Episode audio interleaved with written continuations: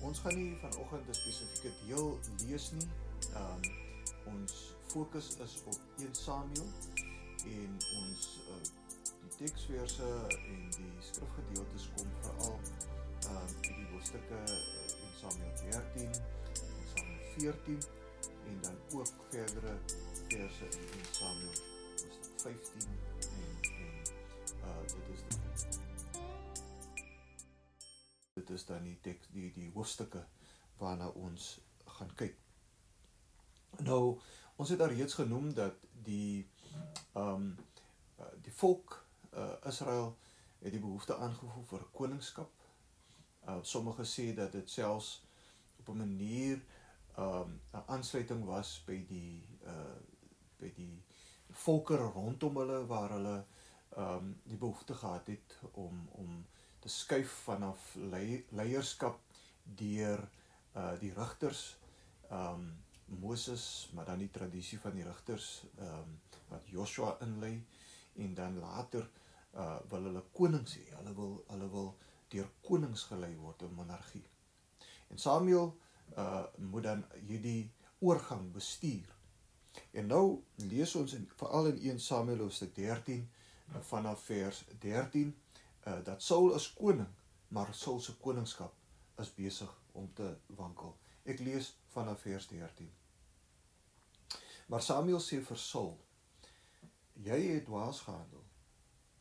As jy die bevel van die Here jou God wat hy jou gegee het nagekom het.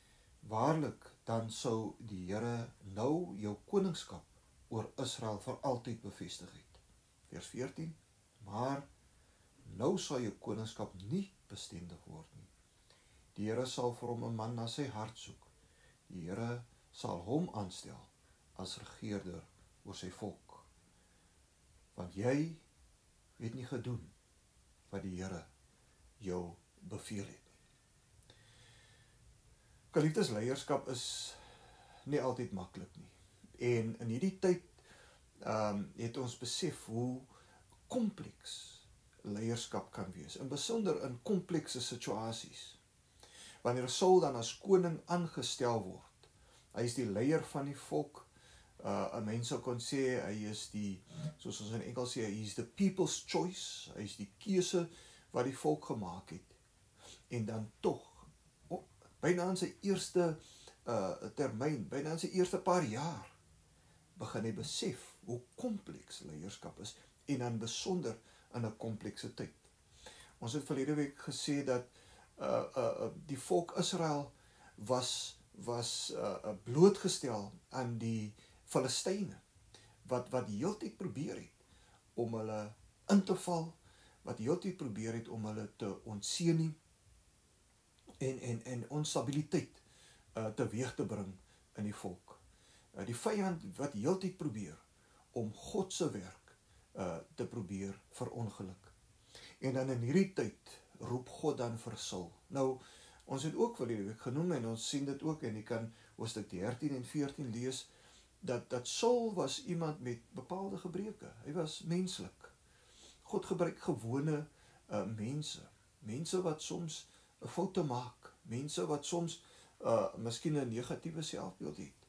Uh so Saul.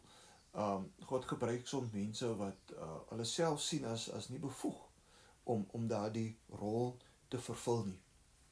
Maar dan uh, is daar 'n ander dimensie wat bykom en dit is waar Saul doelbewus God se woord vir ontagsaam.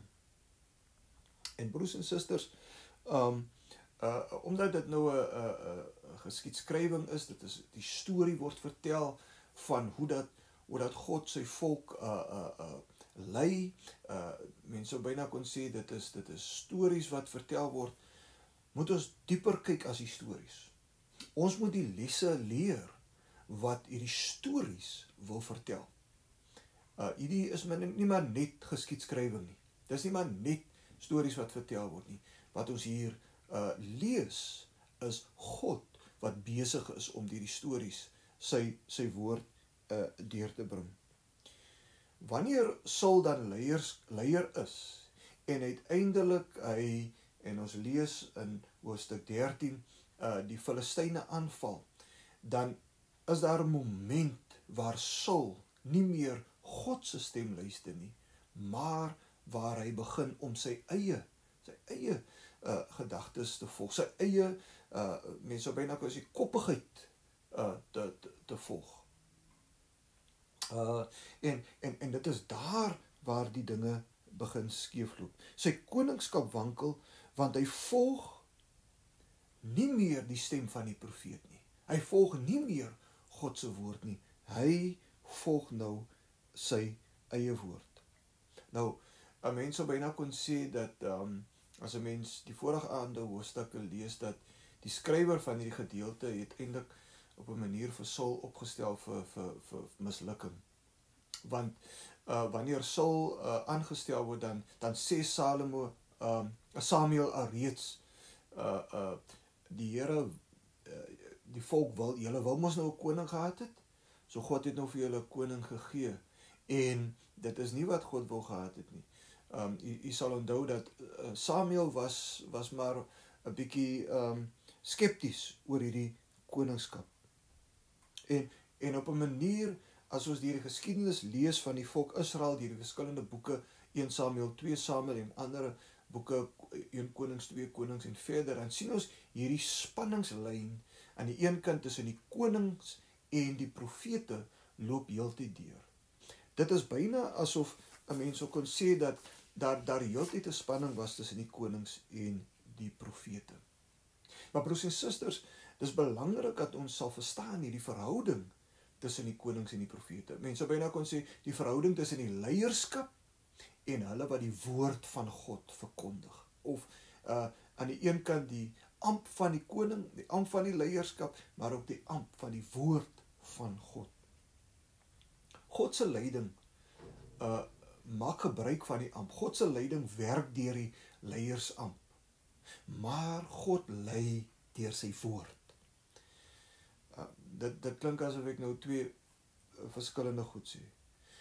Ons moet verstaan dat God lei nie in die eerste plek net deur 'n posisie nie.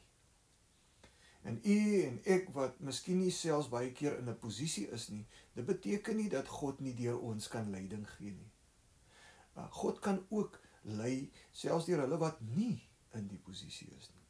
Die prosesse is belangrik en is nodig.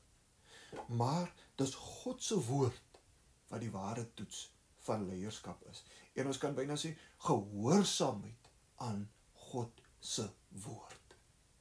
En daarom baie keer dan kom God se woord tot ons en die Here lê iets op ons hart en ons moet dit gaan praat met iemand of met mense.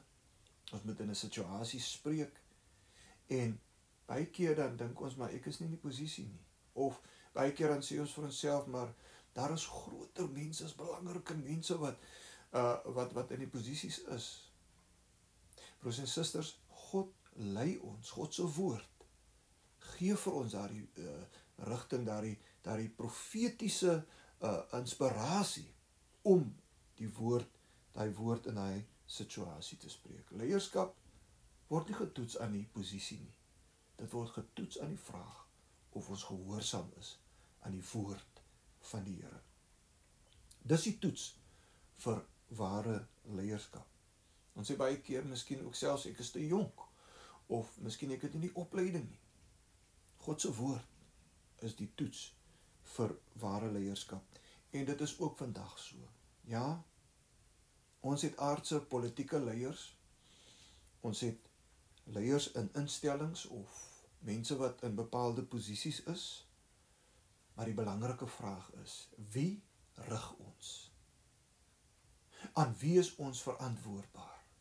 Is dit God en God se woord of is dit aan die instelling of die posisie of die massa of die meerderheid? God se woord uh moet ons lei. En daarom moet ons vandag weer ons moet weer luister na God se woord. Um ons moet weer vandag vra. Here, wat is u woord vir ons vandag? Wat is u profetiese woord vir ons vandag? wanneer dit lyk in ons regerings, wanneer dit lyk in ons instellings baie keer asof mense nie meer God se profetiese woord wil hoor nie. Dan kom dit baie keer sodat God op 'n nuwe wyse deur sy profeet praat. Here uh, Samuel tot die koning Saul praat en sê ek het jou opdrag gegee en jy het dit nie nagevolg nie. Geliefdes, ons moet onthou en uh, Maria het dit in haar lofsang so duidelik gesê, dit is God wat aanstel. Dit is God wat uiteindelik vir ons daardie uh uh gawe gee, daardie posisie gee om leiding te gee, om leiding te neem.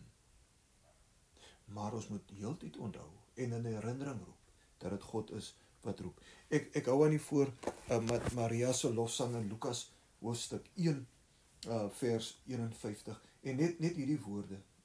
Ek hou dit aan die voor. Maria sing hy het deur sy krag arm kragtige dade gedoen. Hoogmoedig is in die gedagtes van haar hart het hy verstrooi. Hongerig is. Uh maghebbers het hy van trone afgeruk en nederig is verhoog.